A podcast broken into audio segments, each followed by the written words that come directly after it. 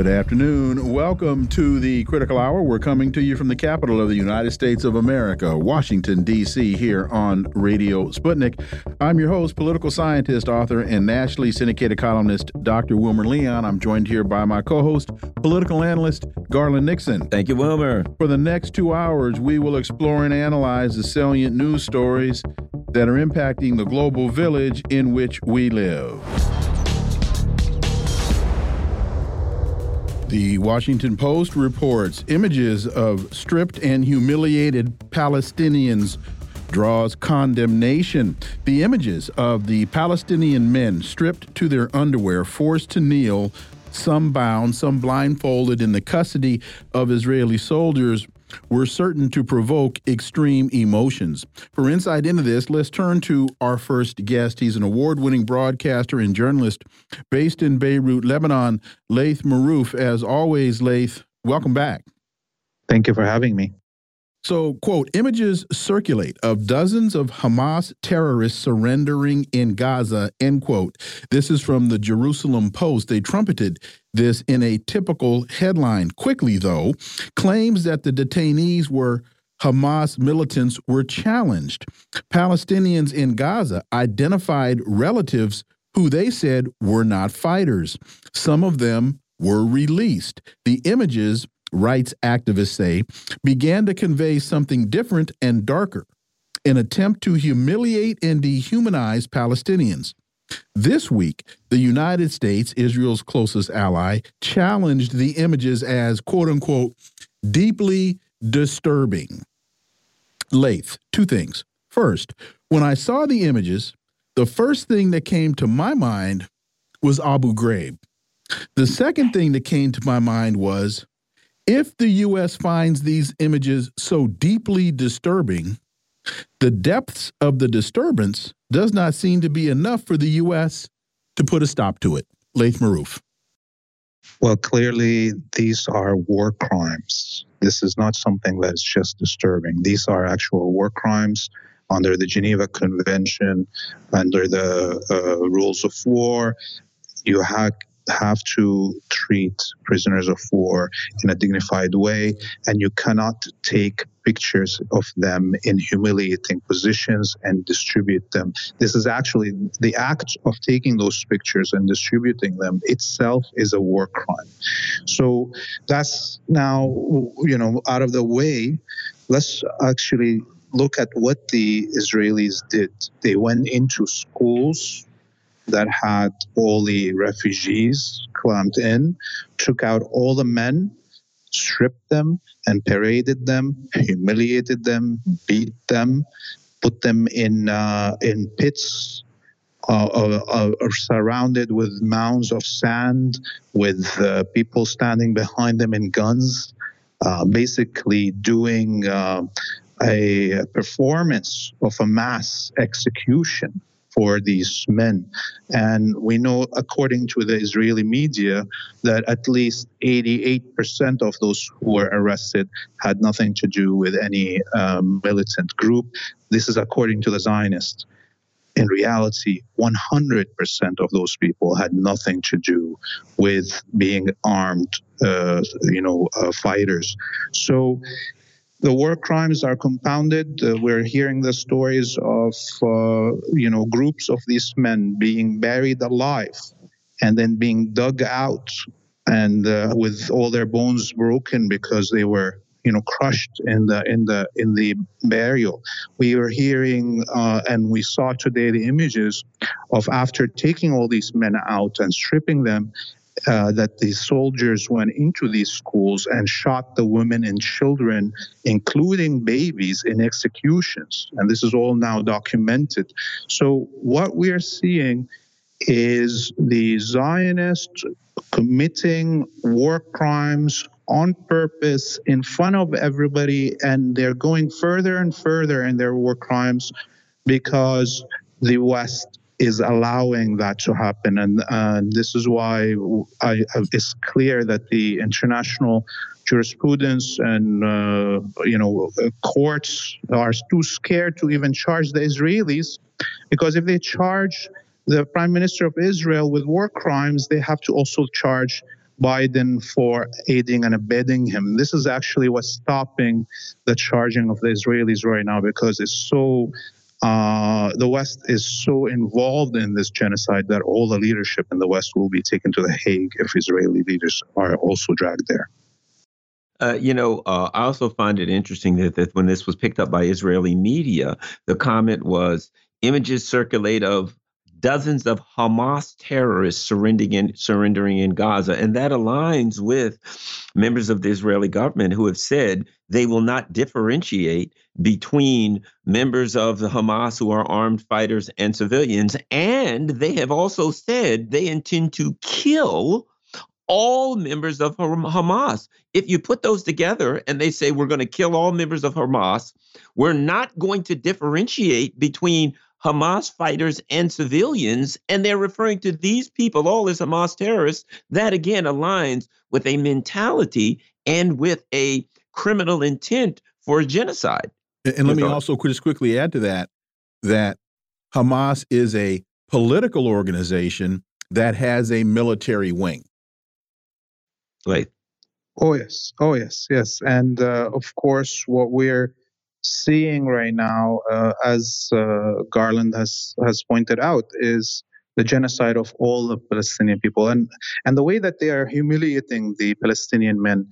Um, we're also partially uh, responsible for this because we only speak about the death of Palestinian children and Palestinian women uh, as a priority, when in reality, the Arab man, the Palestinian man, has been dehumanized so much that we also give give to that ground. But so they are trying to do almost the same as the Spanish did when they conquered Latin America. You know, the Spanish uh, had a different way of uh, colonizing than the English and the French. And the Spanish, what they did is they killed every man and every boy that they saw and every woman that was pregnant they killed her and then they raped all the women so there's now in South America, in most of South America, there is no uh, Y chromosome from the indigenous nations. Uh, it's only in isolated situations or, or, or nations, indigenous nations that uh, won their wars against the Spanish that survived their Y chromosome. What they're doing is, uh, and we don't have a word for it. Look at this. We have a word for femicide. We have a word for infanticide but we don't have a word for specifically targeting men on purpose this way for a genocidal intention. A very interesting point. Iran warns U.S. task force coalition to face quote unquote problems in the Red Sea.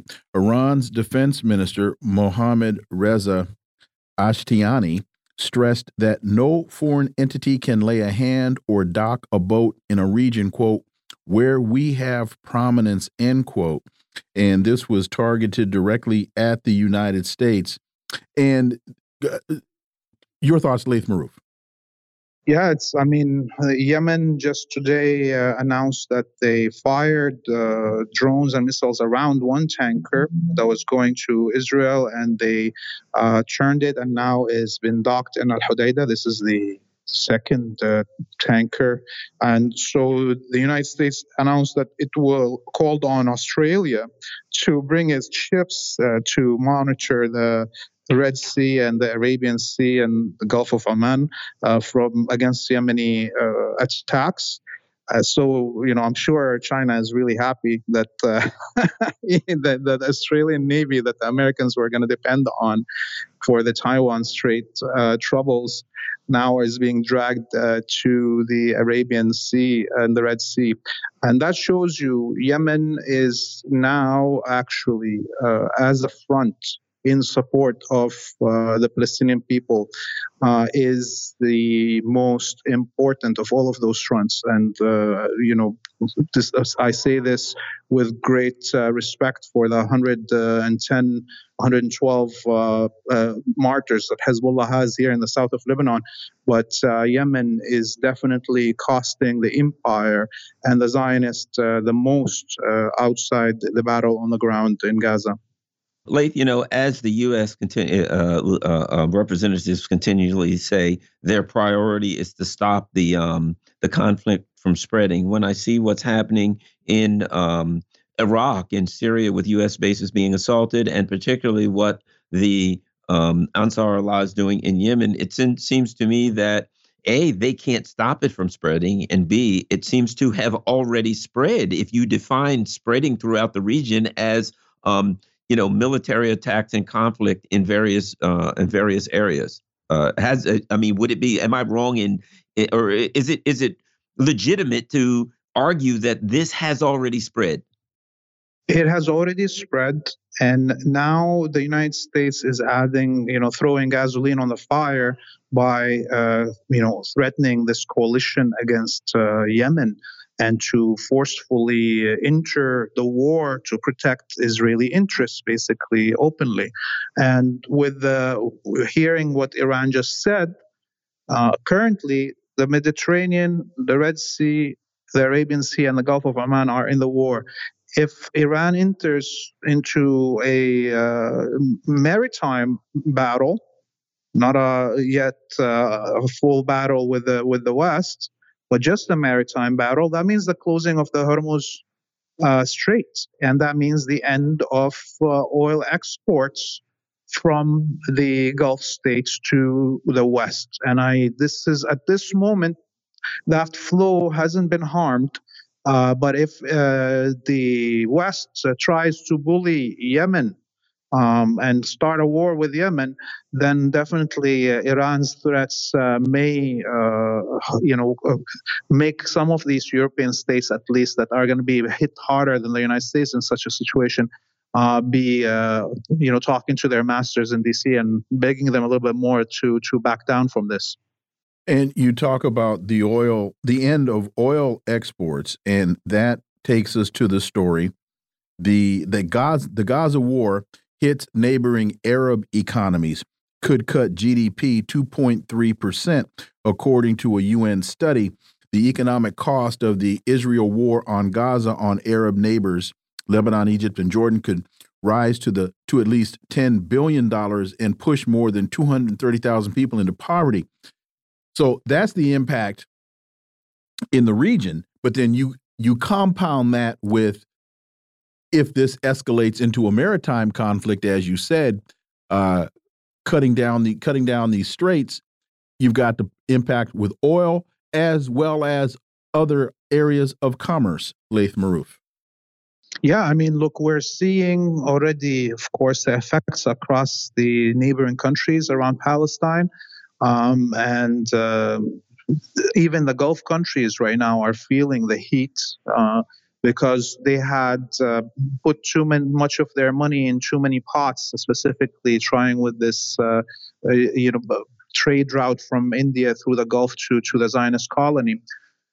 Look at what is happening in Israel. Right now, the ports uh, of Israel are practically empty and most of the uh, products made in Israel, the raw materials come from East Asia, meaning they have to go through the Red Sea. Uh, so what does this mean now? The and also they have mobilized uh, a million almost into their military. Uh, that's all people pulled out of jobs. The economy of Israel right now is living directly on tax money coming from the United States and the weapons that are coming from there. It's already the Israel has zero uh, GDP right now, if you think about it, and that is mainly thanks to the resistance in Yemen uh, with this, uh, you know, attacks on shipping uh, through the Bab el Mandeb. Laith Marouf, as always, thank you so much for your time. Greatly, greatly appreciate that analysis, and we look forward to having you back. Yeah, have a great evening. You do the same. Thank you. Folks, you're listening to the Critical Hour on Radio Sputnik. I'm Wilmer Leon. I'm joined here by my co host, Garland Nixon. There's more on the other side. Stay tuned.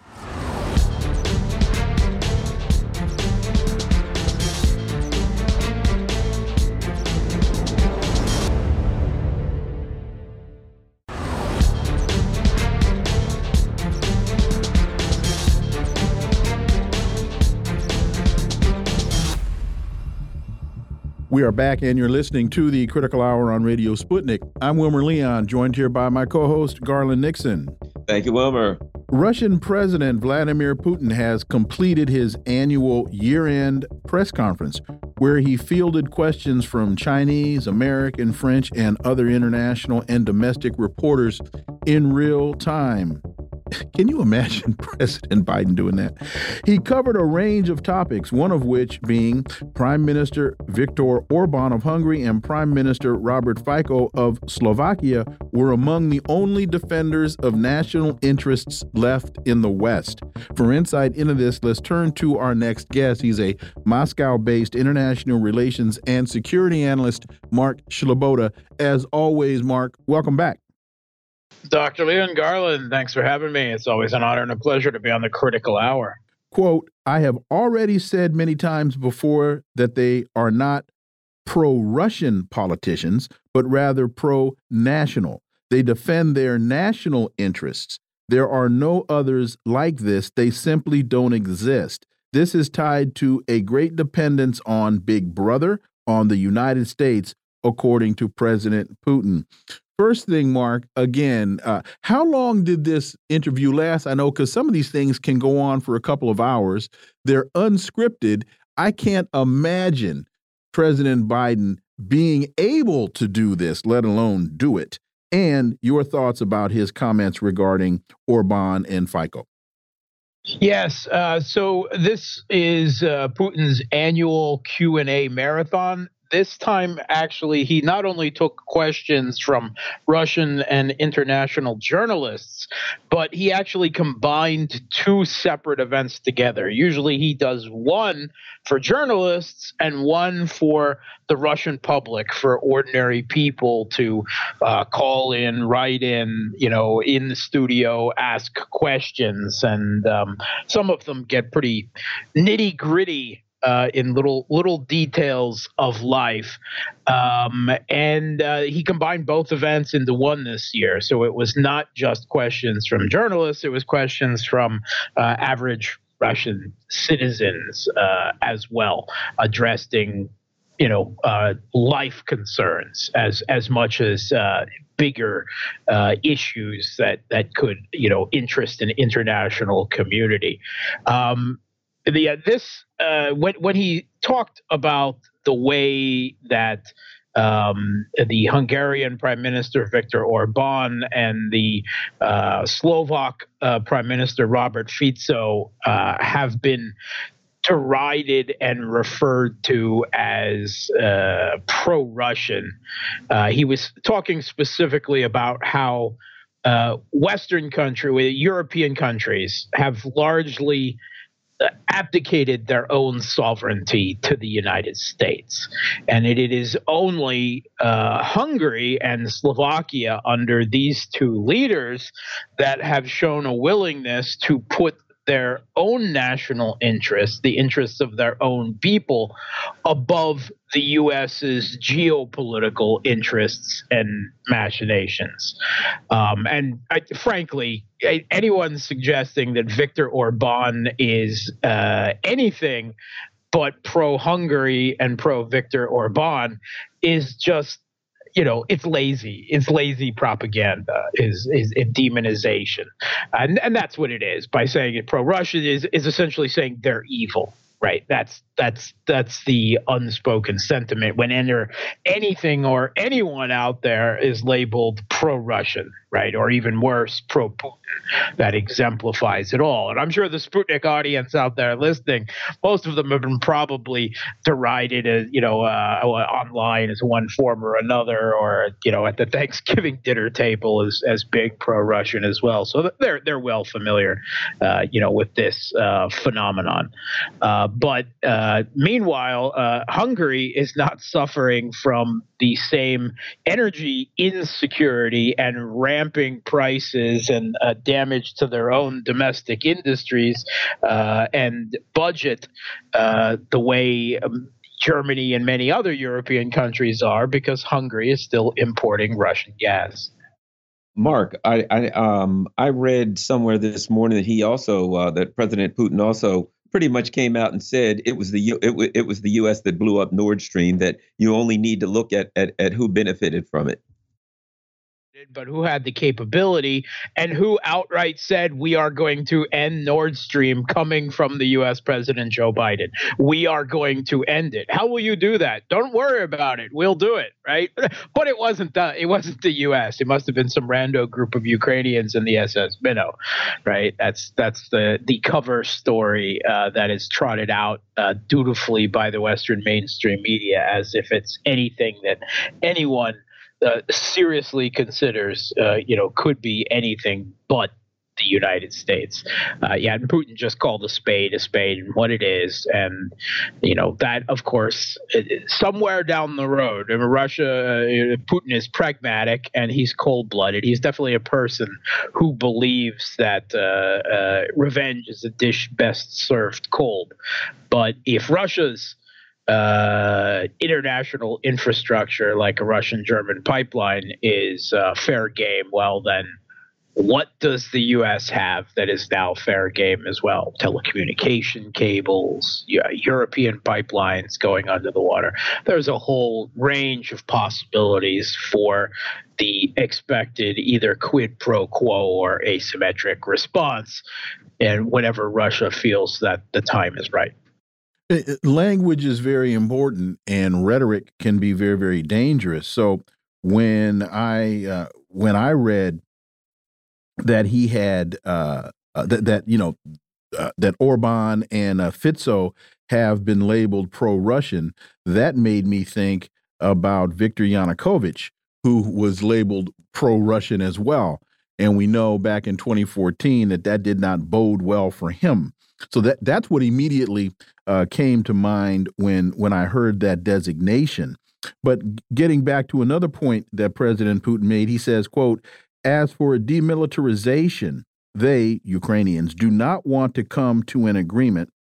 Well, then they are forced to take other. Then we are forced to take other measures, including military ones. Your thoughts?"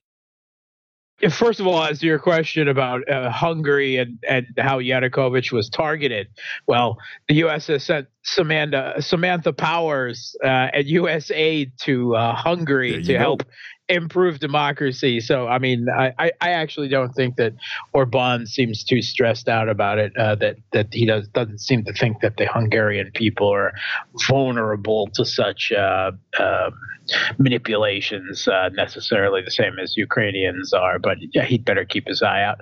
Um, uh, anyway, so yeah, uh, Putin stressed again because the Western media and governments, you know, never seem to want to either write down or they want to forget or you know five things is too hard for them to remember uh, russia's stated goals uh, for their intervention in the Ukrainian civil conflict, the, the, special military operation. And it is the demilitarization of Ukraine, the um, denazification, probably better term, the debanderization of Ukraine.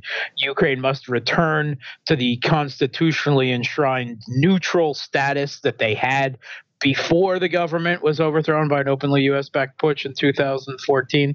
Um, and uh, also, they must recognize that uh, Crimea and the Donbass, and now Kherson and Zaporozhye as well, uh, have held referendums to get out of Crazy Town Dodge and and uh, rejoin or, or join Russia, the Russian Federation.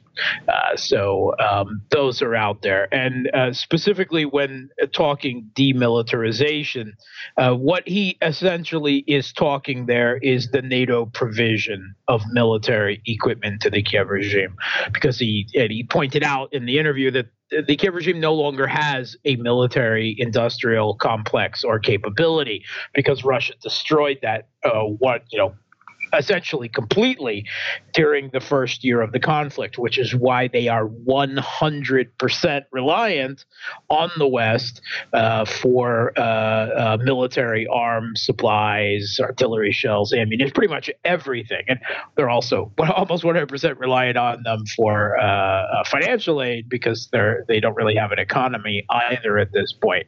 Uh, so that demilitarization at this point means taking out and eventually preventing the provision of NATO uh, military gear, supplies, training, you know, uh, whatever, to support proxy forces uh, in Ukraine. However long that may take, uh, Russia is engaged in a war of attrition and they are set for the long term. They believe that they can grind and wait the West out. Uh, meanwhile, Joe Biden is facing impeachment trials, and Olaf Scholz government in Germany, Germany is about to blow up because of the financial games uh, he has been playing to continue spending and supporting Ukraine. So I think that he's probably right on this one.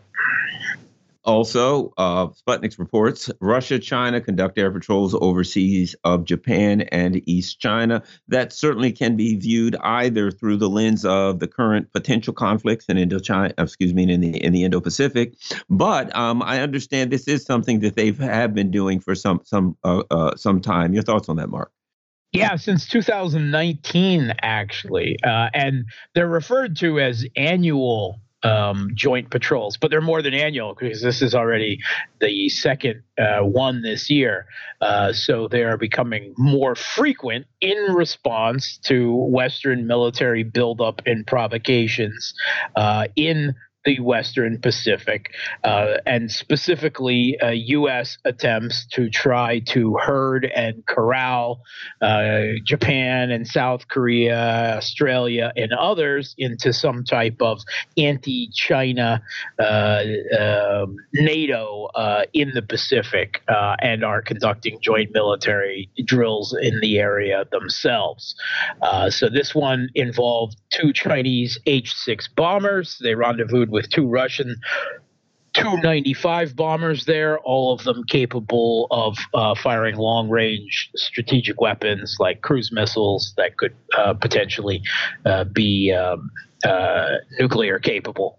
Uh, of course, they weren't for purposes of the patrol, but it is to send a message. And then along the way, they were uh, joined, accompanied by other types of aircraft at different points during the joint flight, including uh, Chinese J 16 fighter jets and a Chinese Y 8 electronic countermeasures aircraft, um, plus some other unidentified aircraft, uh, jets from the Chinese side.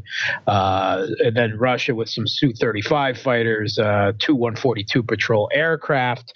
Um, and um, it, it is uh, seems likely that they were also coordinating this time uh, with naval Chinese naval forces uh, that were in the wider area as well. And this uh, was mainly in the the direction of the East China Sea, and it is to send a a message to primarily to South Korea and Japan about the wiseness of of making themselves the next Ukraine, the the proxy forces uh, for U.S. hegemony.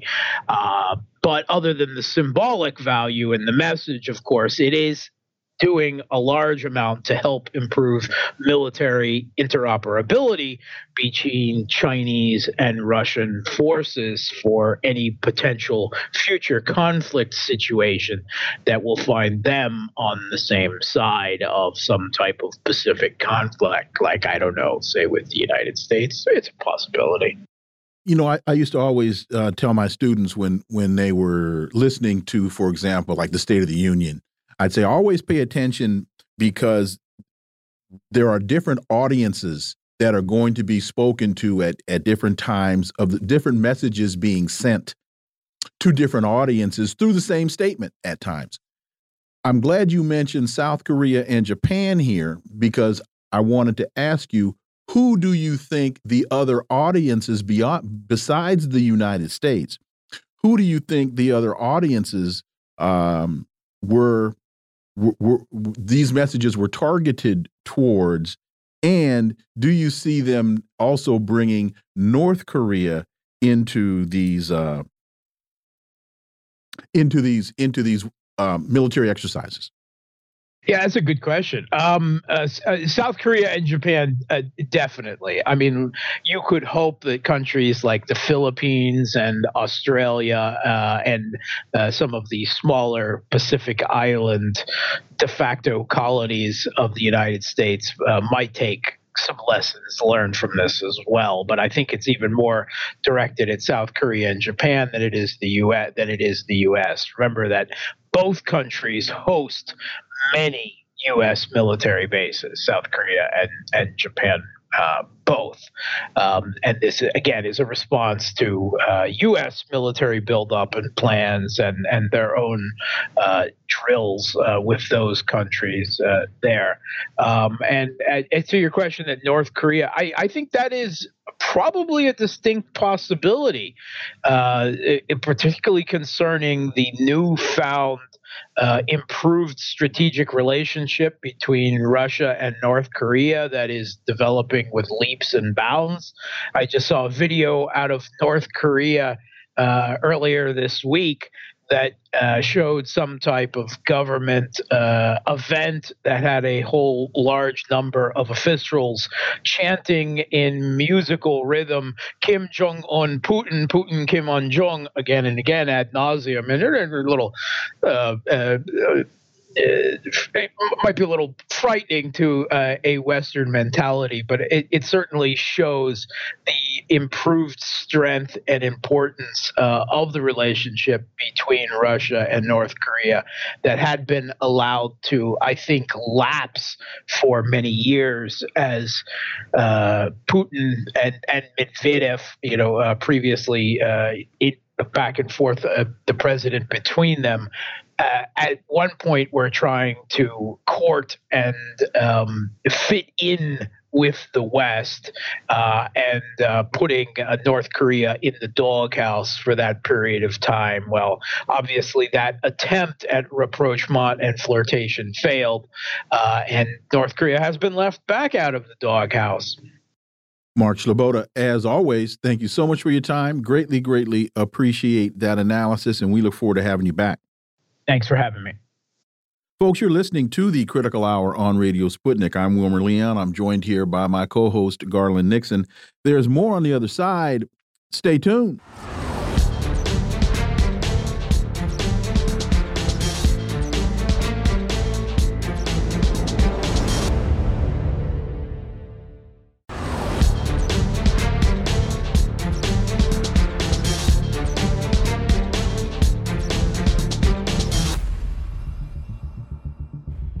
We are back, and you're listening to the Critical Hour on Radio Sputnik. I'm Wilmer Leon, joined here by my co host, Garland Nixon. Thank you, Wilmer. Naked Capitalism has a piece Ukraine fails as proxy coalition war scheme comes apart. Yves Smith writes Within a very short period of time, the messaging has changed from exhortations about the inevitability of Ukraine's success to tight media focuses on itty bitty parts of the conflict to depict Ukraine as gaining ground to now admissions not only that the great Ukraine counteroffensive failed, but that Ukraine itself will have to go on the defensive. For insight into this, let's turn to our next guest. He's a retired senior security policy analyst, Michael Maloof. Michael, as always, welcome back. Thanks for having me. Yves Smith continues as various stories in today's links describe Zelensky's last ditch effort to win a $60 billion Ukraine funding package this year is coming a cropper. Even diehard hawk Lindsey Graham has finally found a war he did not much like. Speak to this. One of the uh, issues I take with this piece is Garland and I have been talking since this issue about uh, border funding and Ukraine funding. I, I've been telling Garland Biden's going to fold. Just wait and see. Biden's going to fold. And then we have a story in today's Washington Post. Biden has given a counteroffer, and we'll see where all that goes. Your thoughts, Michael Maloof? Well, thanks for having me. Uh, this it is doomed, and basically Ukraine has lost the war. It uh, it never was geared to do offensive attacks. It's always been trained to be defensive. And one element that uh, they lacked uh, very severely, uh, and and based upon U.S. training, was air power. They didn't have the air power to deal with the the tank traps, the the mines that the Russians built up over time, and it it it devolved into trench warfare, and that's where it remains. They haven't really gained that much territory back. the the the Biden administration, and I think even some European countries now are are seeing the inevitability of that. Uh, there is talk that, well, from the Western standpoint, to help the Ukrainians to build up their own indigenous military production capabilities, but that seems uh, silly because they could be bombed uh, if if the Russians so chose to target them. In fact, just quickly quickly to that point, we did, we had a story maybe the day before yesterday that Russia has said if you start manufacturing these weapons, we will quickly uh, evaporate the facilities where you're you're manufacturing them. Well, that and that also applies to the F-16s that they hope and pray to get. But first, the pilots have to be trained in English to understand the instructions, uh, and uh, and that could take years. So, uh, in, in, addition to the training, so even if they were based in Ukraine, they and and if the and if uh, the war has had not has not uh, ceased by that time, they're going to be they're going to be taken out, and the the could could, could the uh, could the Ukrainians launch these F-16s from a NATO country because it's all NATO countries surrounding them? If they did that, that immediately inv- involves the NATO country, and under the rules of international law, notwithstanding Article Five of the uh, of the Atlantic Charter, which is the U, uh, which is NATO, uh, R- Russia would have a, a right to respond. So it's um, it, it gets dicey, and and and and it, the the ability for for um, Zelensky to want to have a negotiated settlement, and it was offered to him, and he chose not. To, he ultimately was forced not to do it because of Boris Johnson, who was then uh, UK Prime Minister, and, and and he was talked out of it and with with the promise of uh, more arms. Well, that's faltering, and the Russians yet have indicated that they are prepared to sit down and talk, but there will be there would have to be concessions. The the territories that Russia now occupies, and and, and basically has annexed, uh, they are Russian speaking areas. They would not go. They would remain with Russia. They would not be going back. And and people within the, the Kiev uh, government, such as Azov, would would kill um, Zelensky if he sought to uh, negotiate at this point. RT reports Ukraine was never going to win. Tommy Tuberville has came out and pretty much dismissed the notion that you know Russia would somehow invade the EU if they law if if if uh, we don't give them more money, et cetera. So it seems to me here's the bottom line: we, people like us, the three of us, have been having this discussion now for the last two years that ultimately we know what the outcome is going to be. And it is being forced upon Capitol Hill. The reality you can throw more money over there, you can do whatever you want. The end is inevitable. And it sounds like that there are people on Capitol Hill for whatever reason, some good, some bad. We can argue that. But there are people on Capitol Hill that are saying, look, enough of the narrative, enough of this discussion we know the reality. There's no point throwing any more money at this. Your thoughts? My thoughts are this there has been an effort by the West to portray Putin as the, the new Hitler, eh, that his designs are not only to take Ukraine, but also European countries. There is no evidence of that. We have not seen it. And in fact, just this morning at his news conference, Putin said that it really is up to people within their own countries what they decide to do and which way they want to go. He has no designs on them. He has not even indicated that. I don't see any blitzkriegs, uh, which would be necessary to to to uh, undertake such a, a venture. And and for that matter, the Europeans need should be counting their blessings, frankly, and get their own stuff back, get their own act back in uh, back in order here again, and get their industries up and running again for, and and and get their quality of living back in place. It's going to take a generation at least, anyway.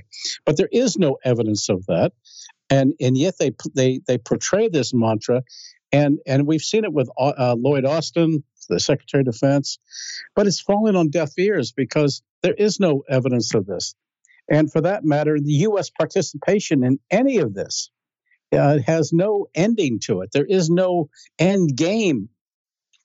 This going support for as long as it takes uh, uh, uh talk is is uh, silly because we we don't have the money, and and happily there has been now leveraging on a, of our own southern border to to try and do something with that in exchange for even any consideration for any further uh, uh, uh assistance uh, to both um, Ukraine and and Israel at this point, simply because we have our own national a real national security problem rather than going half a world away to protect some other country's borders.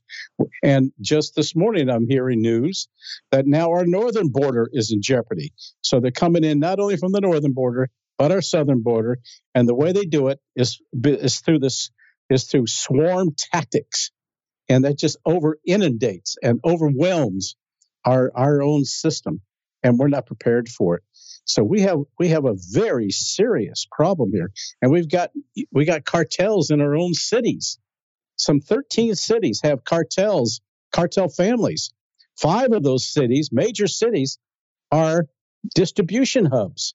So we're not even looking internally, but we're worried about other countries half a world away, which, is, which constitute undefined national security problems. I mean, where where it, this has got we got some smart people up there, but to undertake this approach, there's it's got to be it's it's beyond ineptness. It is purposeful. Why do they want to tear down this country? That's what it's that's what it's boiling down to. And there is no evidence that that Putin is on the march. He's looking eastward. He's not looking uh, westward. He could care less about the West any longer. In fact, he's setting up his own system, his own mirror system, his own financial transaction system uh, through the BRICS.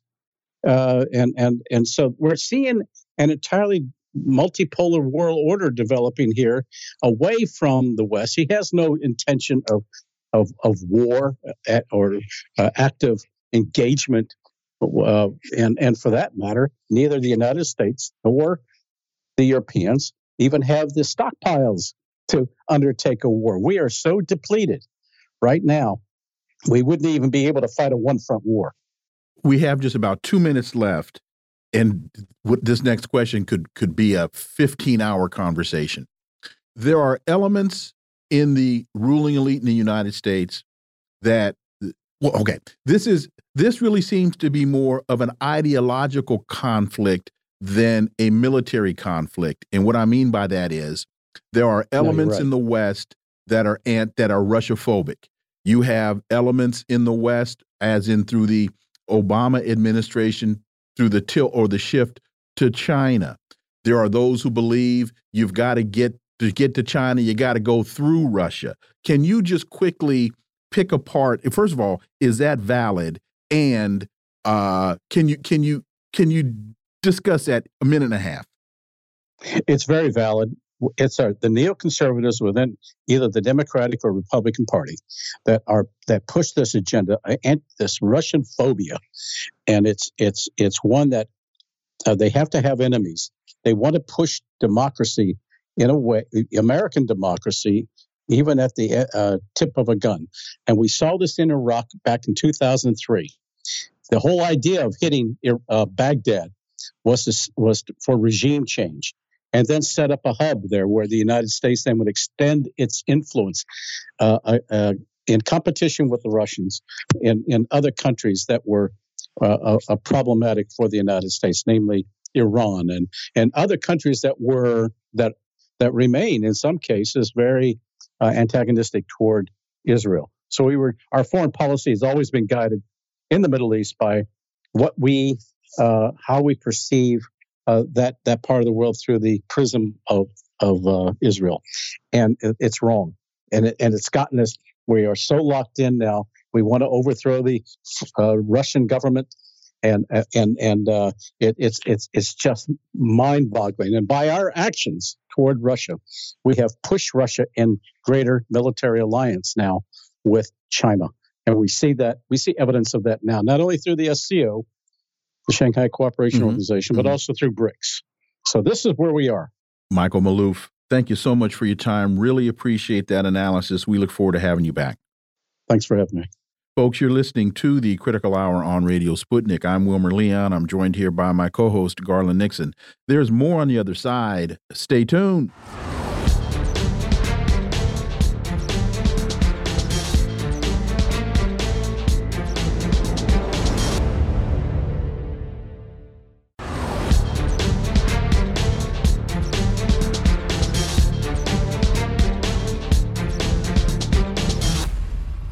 We are back, and you're listening to the Critical Hour on Radio Sputnik. I'm Wilmer Leon, joined here by my co host, Garland Nixon.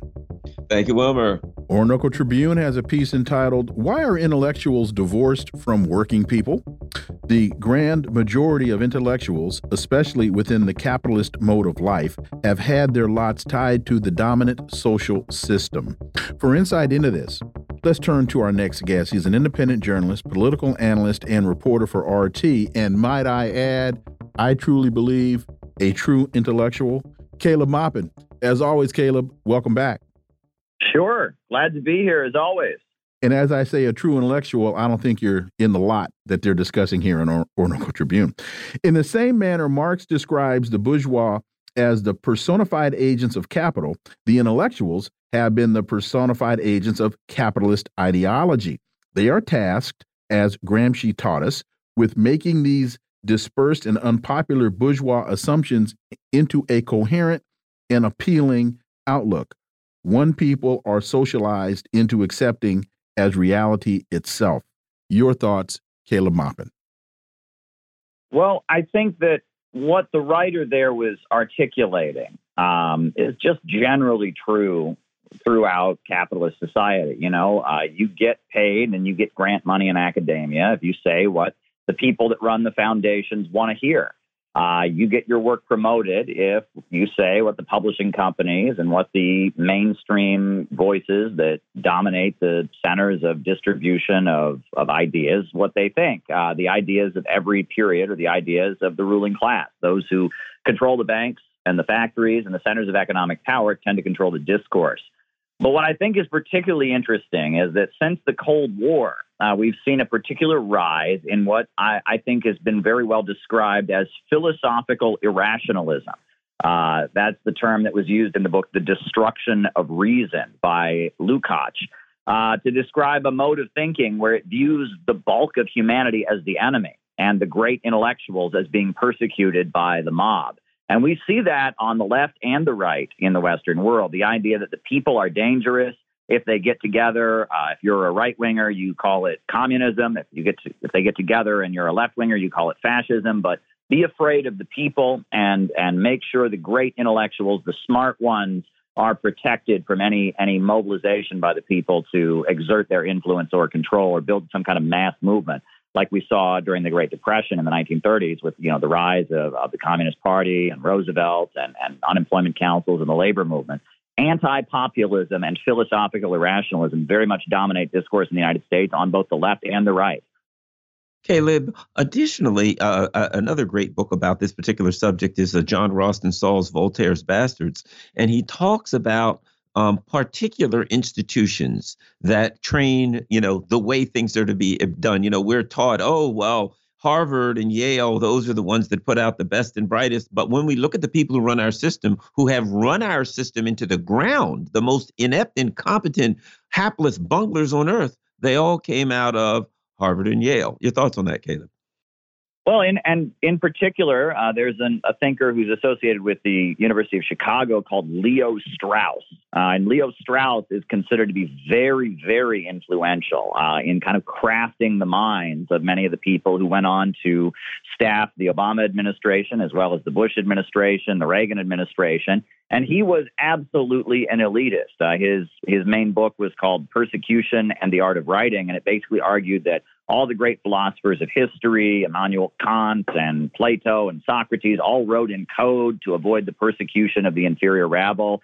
Um, and that narrative, uh, and a lot of it has to do with kind of talking about fascism and, and the horrors of, of Nazism in the Second World War uh, it, it, has a lot to do with rewriting what actually happened, not to make it a, a, result of the breakdown of capitalism, because that's what fascism is. It's rooted in the breakdown of the capitalist system. You know, when when when the economy comes to a grinding halt, when people are hungry because there are too many houses, when people are homeless because there's too much food, uh, capitalism becomes cannibalistic and starts trying to stabilize itself by reducing the population, by setting up authoritarian governments, by creating a slave labor underclass. This is the natural outgrowth of capitalism and decay. Um, but after the Second World War, you have these intellectuals uh, that are getting heavily subsidized by the American government through the Congress for Cultural Freedom program and all that, saying that fascism is just rooted in in the vulgarness of ordinary people. And I think that that explains why this this break between intellectuals and the bulk of the population, and this view among intellectuals that they are somehow superior, uh, that the author of this article you, you highlighted is, is, describing, it's gotten far worse because there's been a real effort by the government itself to foment this kind of elitist view and fear of the people. The fomenting of the elitist view, could we also ascribe or subscribe some of that to what transpired in Congress a couple of days ago with the attacks on the presidents of of Harvard and uh, the other uh, two schools, UPenn, and I can't remember the other one. Um, and and how how MIT, thank you. They're they're challenging the Zionist narrative has brought them not only under attack, but some of them are losing their jobs. Well, you have to remember that Harvard and Yale and those elite schools, they're not just elite schools for the United States, they're elite schools for the entire world. And Brzezinski wrote about them and the role that they play in his book, The Grand Chessboard, and how people from the developing world come and they study there and they fall in love with America and they're given an image of U.S. culture that is not representative of the country overall. They're given kind of a, a Potemkin village of what the United States is like, and they take that back to their home country. Uh, and so, for that purpose, it is very important that students from parts of the world, like the Muslim world, go to Harvard and see that Americans don't all hate Muslims, that Americans aren't all blind supporters of Israel, uh, in order to cultivate them as potential U.S. allies and assets around the world. And that's really important for the intelligence community. Uh, however, uh, we have a lot of very hardline supporters of Israel in the United States who just can't tolerate that. And this is an example of the of the you know the hard right wing and their agenda and U.S. support for Israel kind of getting in the way of long term U.S. foreign policy goals. Right. Harvard needs to show those international students who they're cultivating and and uh, you know training to eventually become allies of the United States and business partners of American corporations. It needs them to see a kinder, gentler, more tolerant United States that has room for dissent. Um, but uh, Israel hasn't got time for that. So uh, pretty wild, pretty wild. And it is, certainly appears to me that there is a contradiction going on wherein the um, the the ruling elite want to teach the students at Harvard something in particular, uh, you know, about Israel and imperialism, et cetera. But the students are are are still affected by other cultural issues and moral uh, conflicts that they have with this, and that's kind of running into a contradiction now. Well, we know that it was the Ivy League schools that brought us the whole woke thing, all this talk about white privilege and privilege politics that came out of Harvard and Yale, and that was to train uh, the children of the ultra rich and the children of the elite that when they go to another country and do business, they can't act like complete jerks while they do it. They need to be sensitive and they need to remember the opportunities that they've been given, and that uh, it was all about you know changing uh, the way U.S. society was was presenting itself to the world, and and understanding that during the Cold War, the Soviet Union made a point of highlighting the, the lynching of African Americans and the horrendous crimes against black people to expose the United States. And so to kind of preempt that and kind of, you know, change the way the United States looked, we saw the Ivy League schools working really, really hard to, you know, get people aware about things like, you know, you know, gender privilege and, and white privilege, et cetera. Um, and however, that kind of thinking leads one to support the Palestinians, right? Because the Palestinians are very clearly oppressed and Israel is very clearly a country backed by the West uh, that is oppressing them. Uh, and that led to the whole thing backfiring. And, okay. and, we see this contradiction where they, they created something for their own purposes, and now uh, they're having trouble maintaining it as it's getting in the way of, of what they're trying to carry out. Caleb Maupin, as always, thank you so much for your time. Greatly, greatly appreciate it. We look forward to having you back. Sure thing. Always a pleasure.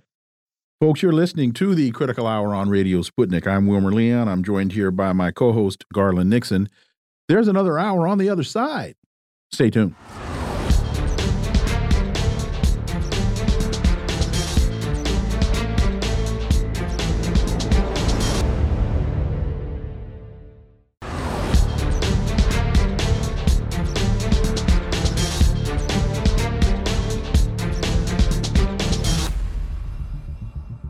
We are back, and you're listening to the Critical Hour on Radio Sputnik. I'm Wilmer Leon, joined here by my co host, Garland Nixon. Thank you, Wilmer. People's Dispatch has a piece entitled Activists Detail Frontline Struggles Against U.S. Militarism in Northeast Asia. The Asia Pacific region has once again become a hotspot in Washington's new Cold War as Biden's Indo Pacific strategy has been dead set on forging a new anti China bloc across the region. For insight into this, let's turn to our next guest. He's an author, writer, and professor of East Asian history and global history at New Mexico State University. Dr. Ken Hammond, as always, welcome back. Hey, thanks for having me here. So the piece uh, continues Biden's Indo Pacific strategy has been dead set on forging a new anti China Cold War bloc across the region. This enlarging cache of U.S. led anti China coalitions in the region and the intensification of joint and multinational war games such as the live fire, uh, combined annihilation drills this May, the largest U.S. South Korea military drills in 70 years. Um, uh, rises the threat of regional or even global war. Uh, speak to this in the context of this piece. And also, we now have Russia and China engaging in their drills. Dr. Ken Hammond. Yeah, you know this. Uh, this uh, these efforts by by the Biden administration, uh, you know, to kind of shore up uh, the alliances, the relationships, especially with Japan, and with South Korea. Yeah, it, it, it's part of their ongoing strategy to try to hang on to, uh, you know, American dominance in, in, in this instance, obviously in the Western Pacific and East Asia. Uh, this goes right back uh, as part of uh, the vision that was outlined, oh gosh, you know, uh, 12 years ago now, uh, by then Secretary of State Hillary Clinton in her article in, in Foreign Affairs calling for a new American Pacific century. Uh, you know, the United States sees, not unreasonably from its point of view, that East Asia is one of the most critical regions in the entire world. Certainly, the rise of China, China's return to being a significant participant in, in world affairs, um, is something that American elites can only see as a threat to their their power and their privileges, their dominant position. So, using these um, you know, countries, which after all, uh, you know, Japan we defeated back in World War II and occupied for five years and reconstructed in along that were, you know, suitable for American interests. And South Korea has been, you know, an American outpost since the the end of uh, of the Korean War back in 1953. Uh, you know, the, these are these are forces that we we can dominate militarily, we can control and manipulate as part of this effort to contain China and and try to derail its uh, its development. Um, it's a it's frightening. It's it's unfortunate. Uh, you know, certainly this article is very, I think, inspiring in the sense that people who are pushing back against that in these countries are getting together. It's not just the U.S. trying to build up a a coalition against China, but people in these countries rising up on their own to push back against that, and now collaborating and cooperating with one another in ways that will strengthen their individual, move, you know, peace movements as well. You know, Ken, this brings me back to something interestingly. Um, uh, uh, Wilmer and I attended a, uh, a, a, a, an event, a peace event, um, a while back in Philadelphia. There were a lot of Korean people there, and they spoke a lot about Donald Trump going to um, Korea. I mean, you know, going to Korea, wanting to meet with Kim Jong Un and trying to strike a deal. This again, to me, shows why the uh, the neocon establishment, the imperial, imperialist foreign establishment, was so angry at Donald Trump. It wasn't just Russia; it was also for to make a peace deal with Korea, North Korea would put the kibosh on their China encirclement strategy. Your thoughts, Ken? Yeah, that would be that would certainly uh, undermine the uh, you know what has been the dominant position uh, amongst the American elites of, of trying to encircle China, trying to trying to shore things up there and maintain America's dominance. Uh, Trump, uh, you know.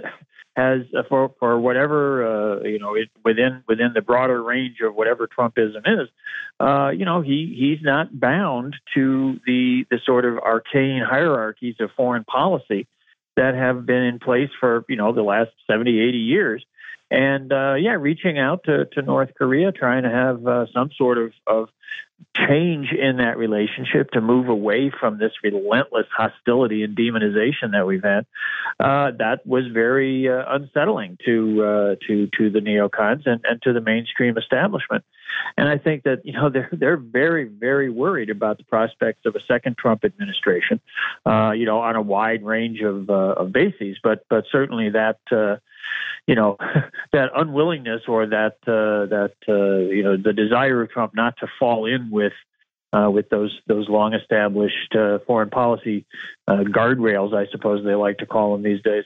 Uh, you know that's that's that's part of the part of the menace of Trump. You know from the from the mainstream political perspective.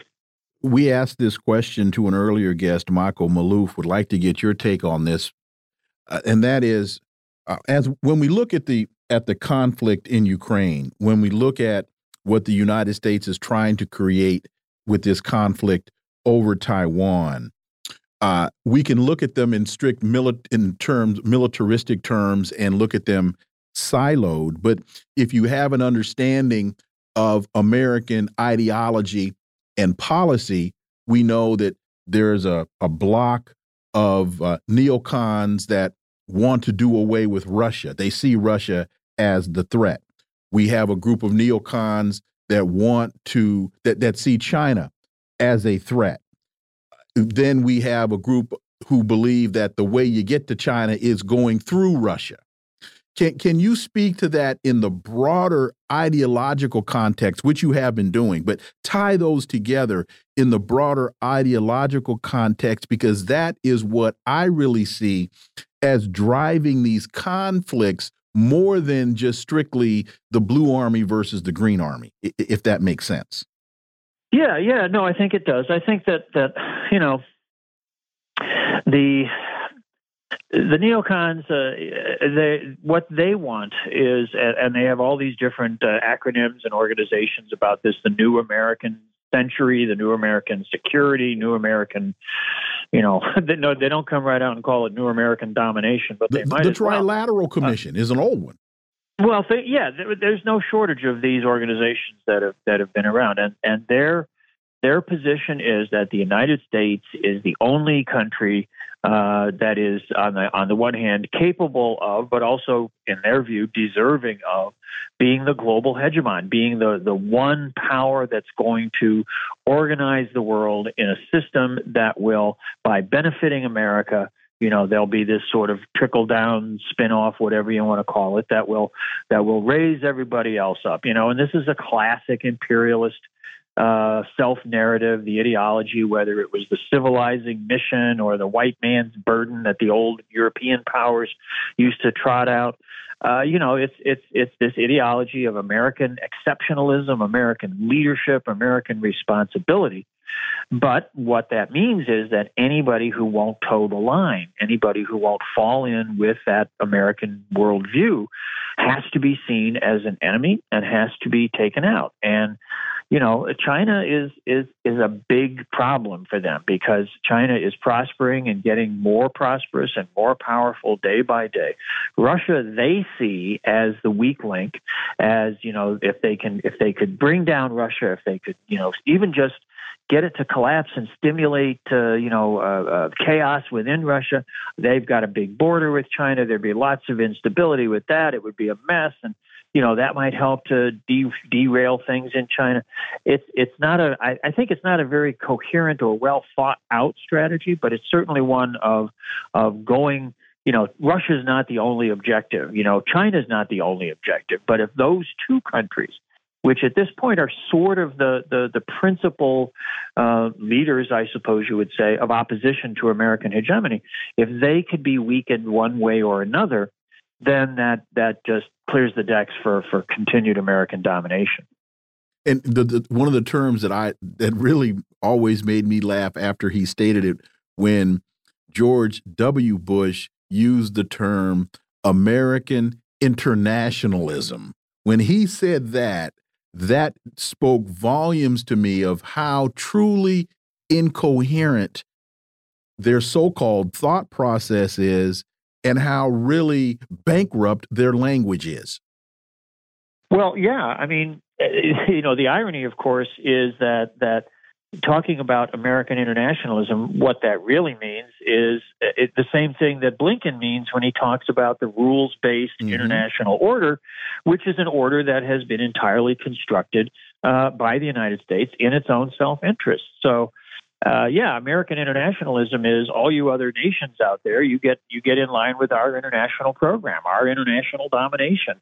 Uh, you know, so so it is a it's a it's a, a it's a contradictory term in its own right, but it also in a weird way articulates the vision that they have, which is of the whole international world being built around and and, and revolving around uh, the, the the the centerpiece of American power.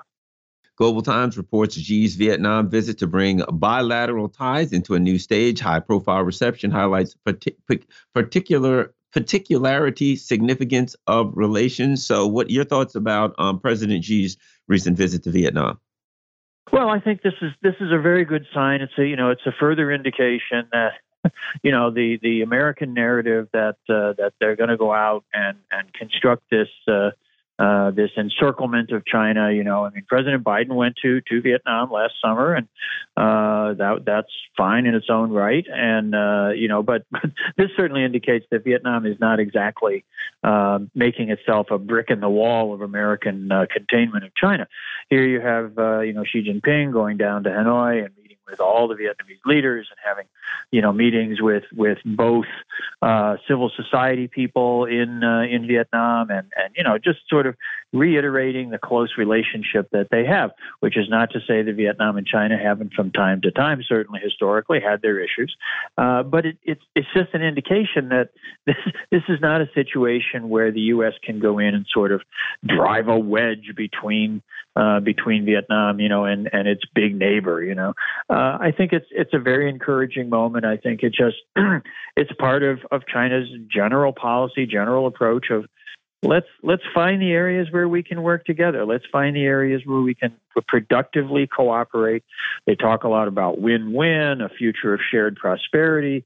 Uh, you know, and, and, and President Xi was talking about those things in, in Hanoi as well. So I, I think it's a, I think it's a very encouraging um, you know moment. It's part of, as I say, it's we don't want to overload it with significance, but it's part of a broader uh, general approach that China has to looking for a more multi-centric world and a world in which uh, people don't have to line up with the United States in order to to flourish and prosper. We have just about two minutes, two and a half left. Uh, China says U.S. must stop interfering in upcoming elections in Taiwan. The U.S. must refrain from interfering in these elections that are scheduled in 2020 January in 2024, as it is an internal affair of China. Dr. Ken Hammond, um, we know that Wang Yi said either earlier this week or late last week, China was demanding that the United States stop interfering in the what they consider to be domestic politics of uh, of Taiwan, and that language is very clear and is also atypical of the type of language that China uses. I hope that this does not fall upon deaf ears, Dr. Ken Hammond.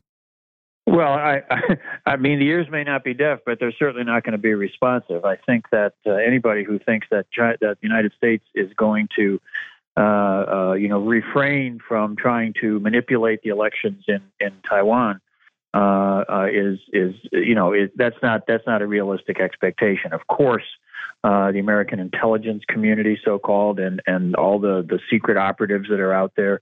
You know, this is this is too important a moment for them. Uh, for them not to be in there meddling and, and manipulating and you know channeling funds and resources and all this kind of stuff. I think we all know that that's going to go on, and I'm sure the Chinese are very uh, uh, you know, soberly aware that that's going to go on. But it's wrong. It's illegal. It shouldn't be done. And uh, and Wang Yi and and other uh, Chinese leaders are entirely correct in speaking out and condemning this and saying that you know you you really you better keep your hands off. I don't think, unfortunately, that that's realistically what's going to happen. But at least they're on the record, and at least they've taken a strong stand uh, condemning this, and I think that uh, that that's that's probably as much in the real world as as we can expect. Dr. Ken Hammond, as always, thank you so much for your time. Greatly, greatly appreciate that analysis, and we look forward to having you back. I'll be glad to be here. Thank you. Folks, you're listening to the Critical Hour on Radio Sputnik. I'm Wilmer Leon. I'm joined here by my co host, Garland Nixon. There's more on the other side. Stay tuned.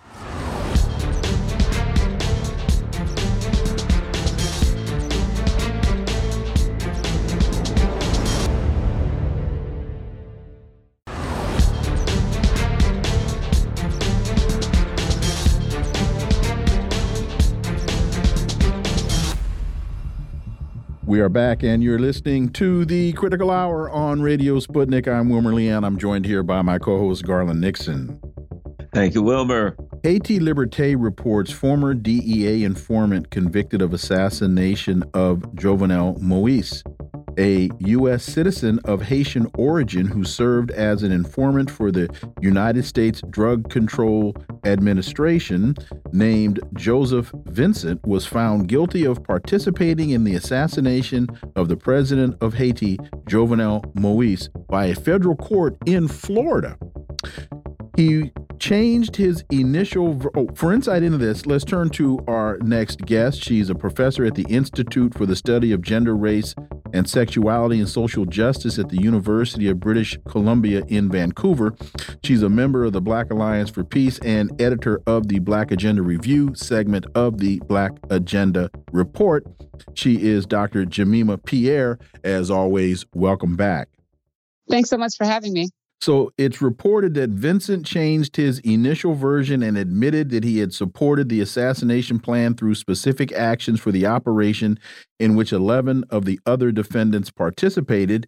He said he provided advice on the political climate in Haiti, also disclosed his meetings with local leaders, where he often presented himself as a lobbyist for the U.S. State Department he posed as a Washington employee to obtain information and collaborate on the assassination plan. Uh, Dr.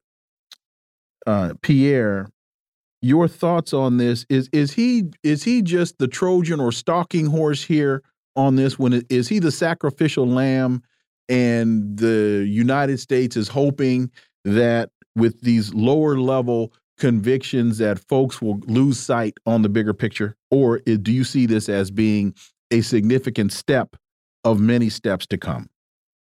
I think I think the U.S. is trying to figure out how to cover itself because it's obvious.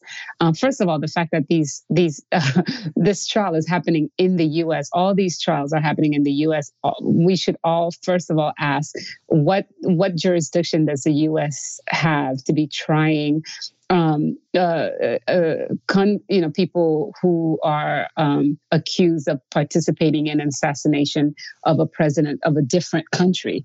And so that's the first thing. The second thing is that we've always known that the U.S. was involved in this assassination one way or another. The fact that the DEA, uh, you know, when we see the videos for the original assault on on um, President Moise's house, is, uh, the people were saying, well, this is a DEA operation And so everybody's thinking that the U.S. is very was very much involved in supporting this coup d'état. But also, what's fascinating is that Vincent and this other guy who both pleaded guilty, um, John Joseph, John Joel Joseph, they, they were brought together by some the same individual who claimed to work for the U.S. government. So there's, you know, at, at some point, if it, you know, quacks like a duck, it is. If everyone's pointing to U.S. government connections, to the DEA, to so on, and to to all these things, um, the connection here is the U.S. And so I think what the U.S. is trying to do is once they get these guys to plead, plead guilty, they can silence them. They won't tell as much as they know, and that they can hide some of this information. As we know already, during these trials, the U.S. has, you know, there's some information that is not, that has not been allowed to be um, released, and so we know that the U.S. knows a lot more than it than it does, and we know that it can take these guys, give them, you know, life in prison, and after a few years, release them um, for their silence. And I think this is basically hiding U.S. complicity here. Well, yeah, I mean, if we look at it, let's just say a president was killed by the United States, and we were to find out that it was planned in what you know, add name the country, Russia or China or Iran or someone. It was planned in Iran. The person who um, committed the act was, uh, you know, a former Iranian, uh, you know, uh, uh, uh you know, um, operative, and immediately after the assassination, the two people were grabbed and taken back to Iran. There's nobody here that would believe that the government wasn't involved. It's so obvious that the government is involved. And the thing I find interesting about this is that other countries are still cooperating with the United States against Haiti, Haiti as though the United States was a good faith actor. Your thoughts? Well, that's that's the sad part of it all, right? I mean, the U.S. is is is funding and supplying arms, for example, for an ongoing genocide in in in the in in Palestine. Um, the U.S. has done everything wrong. The U.S. has dropped nuclear weapons. The U.S. Uh, killed how many you know million Iraqis, um, Afghanistan people from Afghanistan and and Libya. The U.S. continues to act like the monster, you know, imperial power that it is, and yet people still um, take their word for it. And so you have, you know, even if the U.S. admitted, even people from the U.S. government admitted that they were behind the coup d'état, um, not the not just the coup d'état, but the assassination of Jovenel Moise, the US would still, because it's the hegemonic power in the world, would still be able to get away with it. And people, it would not, there would be no recourse whatsoever. And that's and, and that's basically it. And that's the sobering and, and really sad aspect of it all, that they can destroy country after country, destroy civil society, destroy people, kill people, and still be seen as a legitimate um, power in the world. You know, you mentioned that the individuals that are being convicted here uh, could be sentenced to life and then after a few years released for their silence. I truly hope that those guys aren't betting on this because I see them going the same direction as uh, former uh, Panamanian president Manuel Noriega, who was the United States boy for a very long time until the U.S. soured on him and he languished in a federal penitentiary only to die uh, on U.S. soil. I want to say in Florida. Uh, so I, I hope that uh, that the attorneys for these individuals are uh, cutting better deals and we'll give you life and then trust us in a couple years we'll let you guys out because uh, I'd have them ask Noriega, but they can't because he died in U.S. custody. Right. No, that's true. And you know, that that's what people and these people keep everyone who's working on behalf of the US, they're stupid because the truth is, you know, the US has no friends. The US never has your back and they'll drop you whenever they need to. And so people people think they're different, but that that's exactly what's going to happen to all these people um, um, um, doing this. The other fascinating part though is the fact that, you know, the US is behind this assassination. There's no doubt about it but yet it's it's it's you know they had they went through so much trouble for the assassination. And you have to wonder how it is that they couldn't just get a basic assassination plan out. So I, I, then i have to wonder about the power of the us to do what it used to back in the days. Back in the days the cia could order an assassination and be done with and we keep it moving. But this assassination keeps you know keeps bringing up trials keep keep keep having all kinds of different things that emerge. Also to me points to the fact that the us is actually not as powerful as, as it used to be. You know garland whatever happened to the good old days of simple cia assassination? Boy right. the, the world just isn't what it used to be Garland Right. well, Haiti, Lib- Haiti Liberté, impossible to end the crisis without get, getting rid of guardianship. It's surprising that there is no real or serious political crisis in Haiti. In reality, what exists in, in the country is not a new fact nor an accident of history. It's quite simply the decadence of the neo colonialist and contradictory dynamic of sovereignty. Your thoughts, Dr. Pierre? Well, you know, I've always said on this show that Haiti is under occupation. And so anything that's happening to Haiti is happening under U.S. and Western occupation. And so part of it is the, the, the occupation is the crisis. That's the main, you know, we as we say in the Black Alliance of Peace, the crisis in Haiti is a crisis of imperialism. And so whatever machinations are going on within Haiti, if you get all this news about the so-called prime minister who was handpicked um, and and put in place via a tweet um, by by by our occupation force, which is the UN, which is um, um, which has been colluding with the U.S. Um, for occupation occupying Haiti. So the, the thing is, the crisis is that occupation. So you can't think about anything else. You can't talk about gang violence. You can't talk about sending Kenyans there without actually dealing with the primary contradiction, which I think that's what they're saying. It's, you know, the point of the, the US and US imperialism is to destabilize, to create coup d'etats, to change the government, and then once there's a mess, they turn around and say there's a political crisis and we need to invade. And that's been why Haiti is the perfect laboratory for US imperialism in the region, because that's exactly what it's done. It's completely destroyed the state, destabilized the government, and then come back and say that there's a crisis that we need to pay. And until we actually until we actually acknowledge that the main our main problem, the biggest gangsters in Haiti are the US, the US is the US government, we cannot help Haiti. We cannot get out of the situation the Kenyan soap opera in Haiti. Can you uh, speak to, in the couple minutes we have left, uh, where are we in this? Uh, uh we last saw our uh, our our soap opera stars uh, with the with the Kenyan Supreme Court um, challenging the constitutionality of the country sending what were described as police officers, but what we now know to to be very violent soldiers into uh, into Haiti. We know, and so I think we're still waiting for the uh, Kenyan Supreme Court to issue its verdict. Um, can you let us know where we are? Well, well, what we are, what what's happening is the fact that you know this crisis is also showing that Kenya is not a sovereign nation. The Supreme Court blocked the sending of police. At the same time, the U.S is saying that we need to move on. And so at this point, right now, there's Haitian police.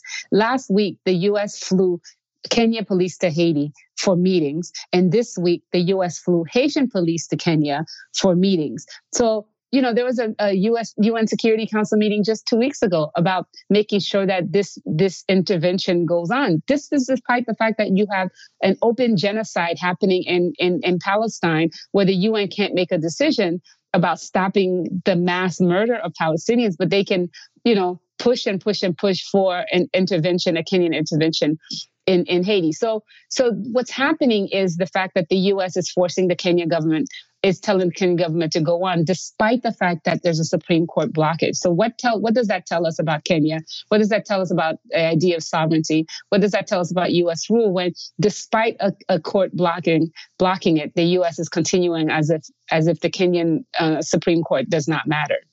Dr. Jemima Pierre, as always, thank you so much for your time. Greatly, greatly appreciate that analysis, and we look forward to having you back. Thanks so much for having me. Folks, you're listening to the Critical Hour on Radio Sputnik. I'm Wilmer Leon. I'm joined here by my co host, Garland Nixon. There's more on the other side. Stay tuned.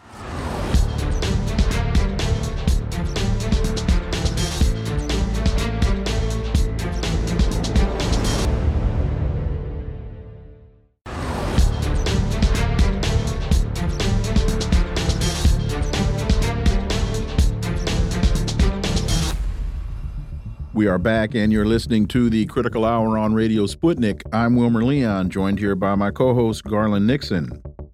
Thank you, Wilmer. The Washington Post reports still lacking evidence, House Republicans vote to formalize Biden impeachment inquiry. Lawmakers have said the step will put them on stronger legal footing for any court challenges related to their investigations. For insight into this, let's turn to our next guest. He's an independent investigative journalist and author of three books The Frozen Republic, The Velvet Coup, and America's Undeclared War. Daniel Lazare, as always, Dan, welcome back.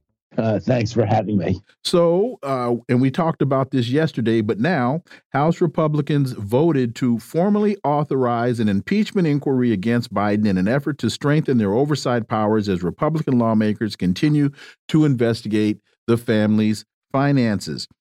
Dan, there's a difference between authorizing an impeachment inquiry and impeachment. And the Post writes that the inquiry, which was launched without a vote in September by Kevin McCarthy, then the Speaker, has so far failed to prove the Republicans' claim that Biden benefited financially from his son's investment deals.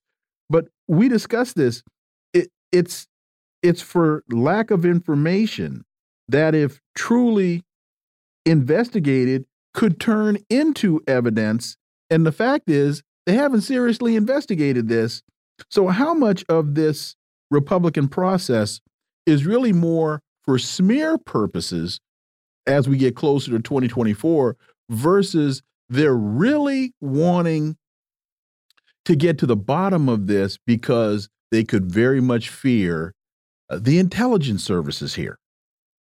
I mean, first of all, the Washington Post is ridiculous. It doesn't understand plain English. uh, there, there, there is plenty of evidence. It's not conclusive, it's not proof, but there's plenty of evidence. So therefore, it strikes me as as reason to investigate. And an impeachment queer, uh, uh, inquiry is merely an investigation. Um, we have we have tons of evidence. We have, you know, we have a, a memo from uh, from Hunter Biden saying that he wants to set aside 10% of the deal of a deal for the big guy, evidently his father. We have know that Hunter Biden was uh, was on the phone with a, with a Chinese uh, businessman saying, "If you don't give me my money, I'm sitting right next to my father, and he will cause trouble for you." Um, we have. Uh, the fact that Joe Biden met on numerous occasions with Hunter Biden's business partners. We have a a, a, FBI informant who told the FBI that a uh, that a a, um, uh, a Ukrainian businessman said he bribed both Hunter and and Joe Biden. Uh, uh, and uh, allegation the FBI seems to have dismissed, but we don't really know why. Um, uh, what else do we have? I guess that's that. Well, that, that's a good. Yeah. You know, we, have got the FBI uh, uh, form, the the report that said they've got uh, they got audio and video of all of this. Yes, and so, and so the um and and also the FBI's performance uh, uh, when it, when it comes to investigating Hunter has not been uh, confidence inspiring. That's the that, that's the real issue. I mean, the uh, the Justice Department uh, slow walked the investigation into his uh, his taxes. Uh, they tried to reach a deal uh, to sort of like you know to, to let him off on some minor charges, a, a, deal that was so ridiculous that the judge said no, so they were forced to indict, indict him for for tax uh, uh, cheating, essentially. Um, uh, the when when the when Joe uh, when Hunter's uh, laptop was discovered in a rare repair shop in uh, in Delaware, the repair shop owner tried to get Hunter to pick the laptop up. Hunter showed no interest, and then he tried to get the FBI to be to pick the uh, laptop up, and uh, and the FBI showed little interest also. Uh, and and the and that laptop has turned out to be a gold mine. So we don't know why the FBI was so slow, but there certainly is reason for suspicion, and I think there's plenty of reason to investigate. Now, I, I agree. This we haven't found proof. We haven't found anything conclusive. Um, but nonetheless, there is, I think, you know, ample cause for concern. uh, you know, as a guy, and I'll say this, as you guys probably know, I was a police officer. I ran the investigations division in a police department, and I trained people in investigations. And the terms that we would be, you, you know, of course, you probably know probable cause, reasonable suspicion, which is just more than a hunch. And of course, when I had internal investigations, if someone came and said, an officer, a captain, anyone did a crime, did something, we did what we termed a cursory investigation. Before you do an investigation, you just look into the basics to see if it's credible, if there's any grounds to it whatsoever, and you look at it. Because sometimes you just look at it and you find out it was just a a scorned girlfriend or something like that. But when you see the foundations of it, and there's an investigation, they're saying still lacking evidence to say you didn't start an investigation without the evidence is to say the investigation had to be finished before you even started. That's not the way investigations work, Dan. Yeah, in fact, the New York Times says uh, says they're starting an investigation without proof. Now, I don't. if you if you required proof to start an investigation, isn't that the point of the investigation? investigation? Is yeah, to get the proof? the end of the investigation. Yes. Okay, that's, that's what you used to prosecute the person it's, with is putting the cart before the horse. You know, it's uh, it's it's ridiculous. It shows poor it shows poor you know logic. But you know, but the but the you know, I think that the that the the Biden family. Uh, Hunter and his father James were running a clear influence operation. They were they were quite open and frank about that. They, you know, at one point, Hunter told, you know, his business partners that we are selling the Biden name. Um, and so that is really bad behavior. Uh, and I think that um, that any reasonable person would have cause for concern. And I think that's that's you know there's there's a lot more cause for concern than there was in during Donald Trump's first impeachment, which was based on a single telephone call.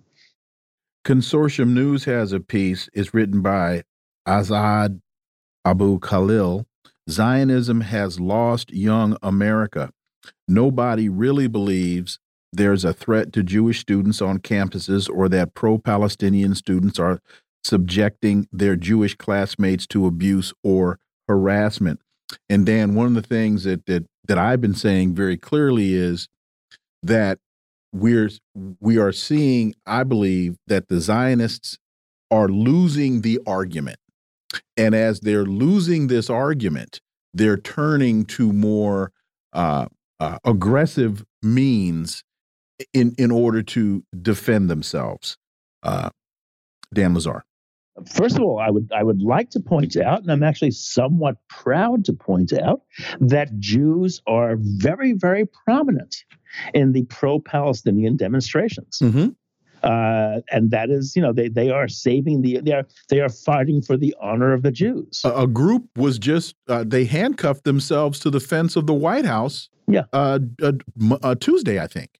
A group called Jewish Voices for Peace, mm -hmm. and another group which is closely allied is called Not in Our Name. Mm -hmm. The "our" refers to to Jews. Now, now I'm not saying that, that, that I'm not saying that Jews are the only ones protesting, but they are quite prominent uh, in in these in these protests, and uh, and I think that's great.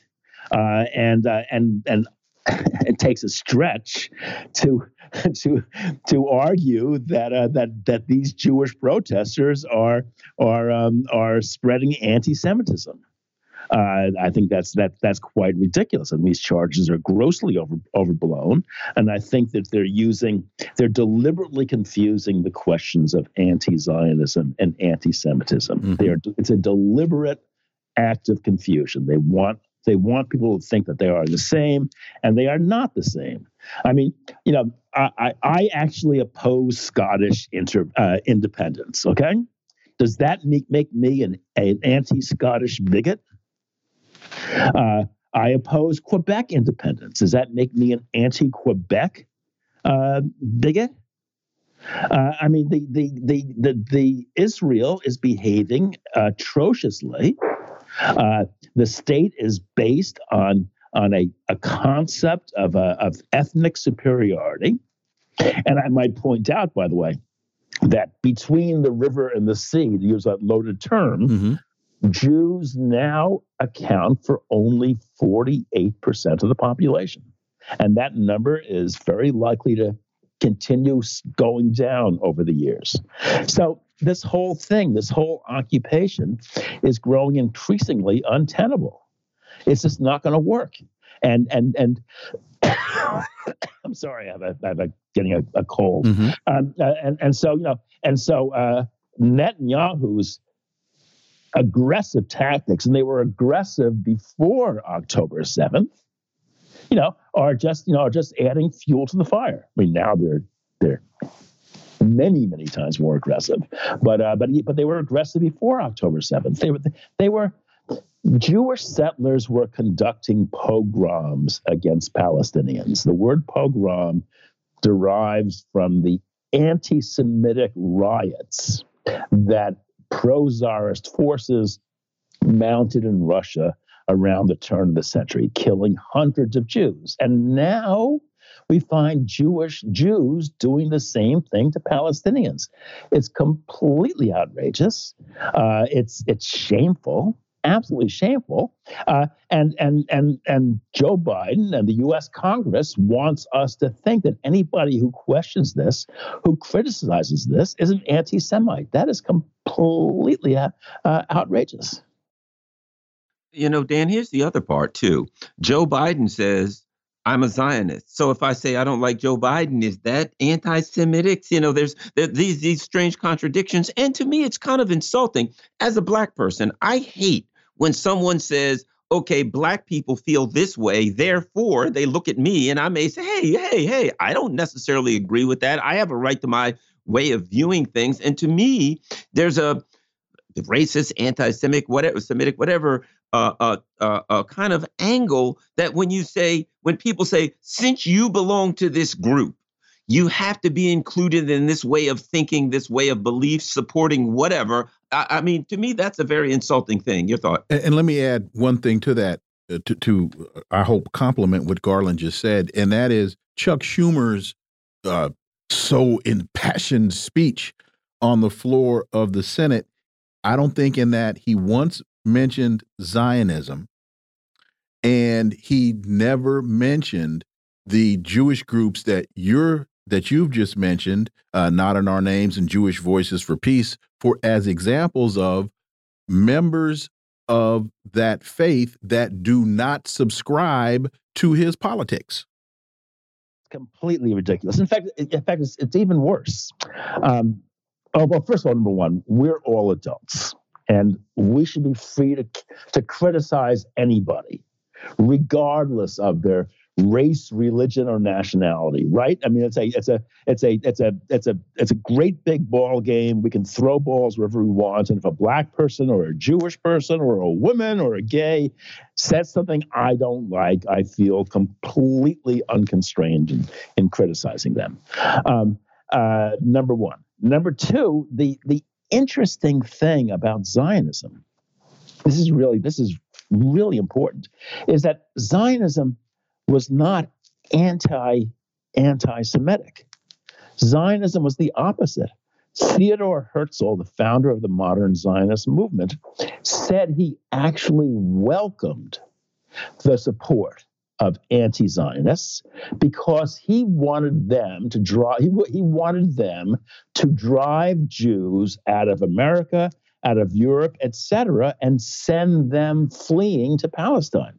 So he actually welcomed, and he was quite explicit uh, in this regard in his uh, famous book, The uh, The Jewish State, uh, and and he was quite explicit. You know he said we actually welcome their support. He said, "quote They need only do what they have been doing for the Zion, for Zionism to succeed." Now this is this is the root of a fundamentally racist state, a state which is racist in general, but racist not only to Palestinians, but racist to Jews as well. Uh, it's an extremely reactionary uh, movement, which I think is um, it's gone it's gone without criticism for too long. Daniel Lazare, as always, thank you so much for your time. We greatly, greatly appreciate that analysis, and we look forward to having you back. Thank you. Folks, you're listening to the Critical Hour on Radio Sputnik. I'm Wilmer Leon. I'm joined here by my co host, Garland Nixon. There's more on the other side Stay tuned.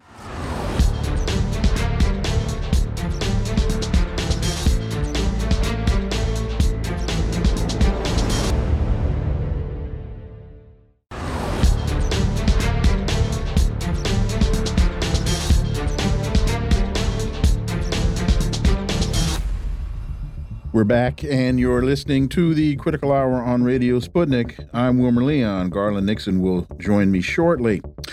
Uh, when genocide is no longer genocide. This is from Black Agenda Report. Wall Street Journal editor Adam Kirsch recently penned an opinion piece entitled, Is it time to retire the term genocide? The meaning of genocide. Why should anyone want to stop using the word? To make a 1700 word story short, the goal is to defend Israel and argue that it is not committing genocide against the people of Gaza. For insight into this, let's turn to our next guest. She's the senior editor and senior columnist at Black Agenda Report, author of Prejudential Black America and the Presidents, Margaret Kimberley. As always, Margaret, welcome back. Thank you so much. This is a, I think, a very, very important piece because language is very important. Language is very powerful, and the ability to define is the ability to control. So when all of a sudden the term genocide in the minds of some is no longer applicable, then what do you call the ethnic cleansing of individuals in a settler colonial state? And by the, in, in in fact, Rarely do I hear anyone refer to, in the mainstream, refer to uh, the colony as the settler colonial state. Margaret Kimberley. Yes, this um, I, I this this article or uh, an opinion piece in the Wall Street Journal really struck me that someone would actually say, well, let's just ditch the word genocide altogether. Um, the term was um, uh, actually came into being after World War II. Uh, the United Nations defined genocide in 1948, the Convention on the Prevention and Punishment of Genocide. It has the term has been accepted all 70 some odd years now, 75 years, without any question. So why would someone suddenly say, do we really need the term genocide? Well, you need it if the country you support is committing genocide in full view of the world. Uh, and genocide is, you know, it, it can mean killing members of a group, but it means acting with an intent to destroy, in whole or in part, a national, ethnic, racial, or religious group. And what's going on in Gaza? They have said they want to drive people out of Gaza. They have said that um, uh, they are uh, punishing the people of Gaza for what some uh, um, uh, forces of Hamas did on October 7th. And collective punishment is defined as a war crime. So now uh, the way to try to weasel out of this is to say that the term uh, genocide is no longer useful. This is very dangerous and not just for Gaza. You know, when you think about this definition, you realize the U.S. has committed genocides.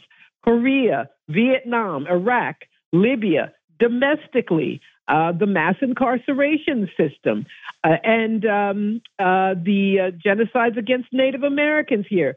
All of these enslavement in the U.S. So there's a long history of many genocides. And rather than acknowledge that and say there have been genocides committed throughout history, we have people saying, let's just get rid of the word. And this is a very, very dangerous precedent. And it's something I think that Black people have must be a part of this conversation.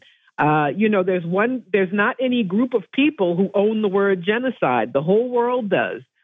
So uh, it would be a terrible thing if this bad idea were to gain any traction. Well, you know, Margaret, it doesn't surprise me either that the U.S. empire would say, you know, we need a different word other than genocide because this is a country that was founded on genocide. And as you said, mm-hmm. it's particularly important for Black people because of the history of um, of Paul Robeson and uh, and and, and uh, was it William Patterson who mm-hmm. went to the UN and said we charge genocide. That made the case. Now, of course, we know that the the UN and many other um, institutions, world institutions, are are wholly captured by the U.S. empire. But the point being made that the U.S. has been repeatedly charged with genocide, or at least um, genocide has been pointed out that has been uh, as actions that have been taken by the U.S. both externally and internally. Margaret. Yes, absolutely. Uh, it was black people who said this, for, as you point out, uh, a few years, just a few years uh, after this UN genocide uh, convention. Uh, people who were punished quite harshly because uh, they took this stance. People like Robeson and Patterson, their passports were stolen, uh, their lives were uh, ruined uh, because they stood up for this truth. And uh, it's a truth that um, uh, cannot be turned away from. you know, we have so many lies now about Israel, very par- powerful individuals, powerful lobby trying to normalize what Israel has done, trying to vilify those who are pointing out the crimes. Uh, so this does concern Gaza, but it concerns um, uh, the entire world, and we need to normalize the idea. Um, the uh, give people the information of what genocide means and point out how often it is committed by the U.S. and other countries. In fact, if we could quickly, the book We Charge Genocide was the case, as Garland articulated, uh, by William Patterson and Paul Robeson. They took it to the United Nations, and it was it chronicled and documented the the the murders, the lynchings, the beatings, the abuse of African Americans by police forces and government and other government entities, case by case, year by year, in the United States over like a 15 year period. And and so it, it it was it was a data collection effort that you really just could not refute, Margaret.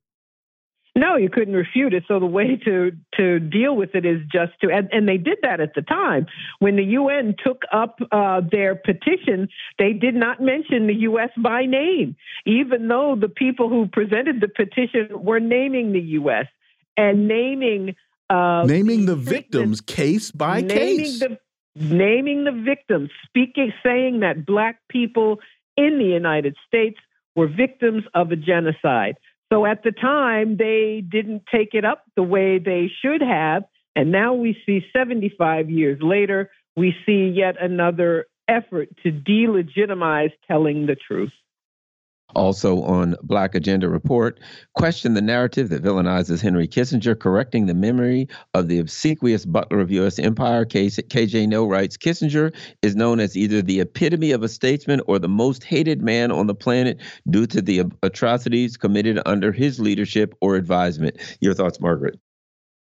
Yes, you know, uh, since Kissinger died a couple of weeks ago, we've seen endless stories about how many people died in Laos and Cambodia, what he did in Chile, what he did all over the world. And it's important to chronicle all of these crimes. That's what we were just talking about, right? The war crimes committed by the U.S. But it's a mistake to see Kissinger as being singular. It's a mistake to think of him as the only evildoer in U.S. foreign policy. Um, there have been, uh, and uh, the author KJ Noh goes into uh, how many people were killed in during the Korean War, uh, how the U.S. Uh, facilitated the massacre of a couple million people in Indonesia on the grounds that they were uh, communists. Um, so it's a laundry list, and it goes up into the present day. It it covers presidents who are considered uh, uh, good and presidents that are considered bad. What the U.S. did to Iraq, what Bush did to Iraq, what Obama did to Libya. Um, all of these are war crimes. What Biden is doing uh, today in in Ukraine uh, war he facilitated, what he's doing uh, in Gaza, because Israel couldn't do it if he said no. So it's a mistake to think of Kissinger as being a singular uh, evil person. Uh, we have to think about how the system works, about all the presidents, all the secretaries of state, and the crimes they committed. And to take it, to, to make it, put it in more even simplistic terms, we have a tendency to look at these policies as the policies of individual administrations, when in fact, they are American foreign policies. Look at Julian Assange. Uh, Obama decided because he didn't want to have the New York Times conundrum that he wouldn't pursue Assange. Donald Trump decides he wants to extradite Assange. What does Joe Biden do? He doubles down on Trump policy.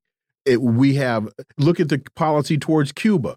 Obama decided he would try to normalize relations with Cuba. Trump turned that around. Biden doubles down. So those are just two examples. Uh, Haiti is another example. It's not the policy of a particular administration. It is American policy. We've got about a minute, Margaret Kimberley. Uh, yes, it's uh, the it's imperialism is the word. Mm -hmm. The U.S. is an imperialist country, so that uh, the ebbs and the flows, uh, more attention given to this place and less attention given to that place, or a change of a policy for one president, which um, uh, more often than not becomes the policy of the next president. After all this talk of Trump being a fascist and evil, Biden's foreign policy is Trump's foreign policy, except even worse and deadlier. So that is the issue. The issue is an imperialist construct. And so there will always be uh, an evil person to point to in every administration. Margaret Kimberley, greatly appreciate it. As always, appreciate the analysis. We look forward to having you back. Thank you so much. And folks, you can you can find the piece when genocide is no longer genocide.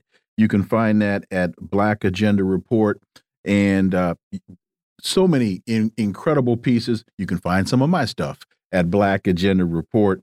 And uh, again, when genocide is no longer genocide, and it is a critique of a piece that you'll find in the Wall Street Journal by Adam Kirsch. And again, folks, the ability uh, to define is the ability to control. And so we got to wonder why do you want to get rid of the term genocide?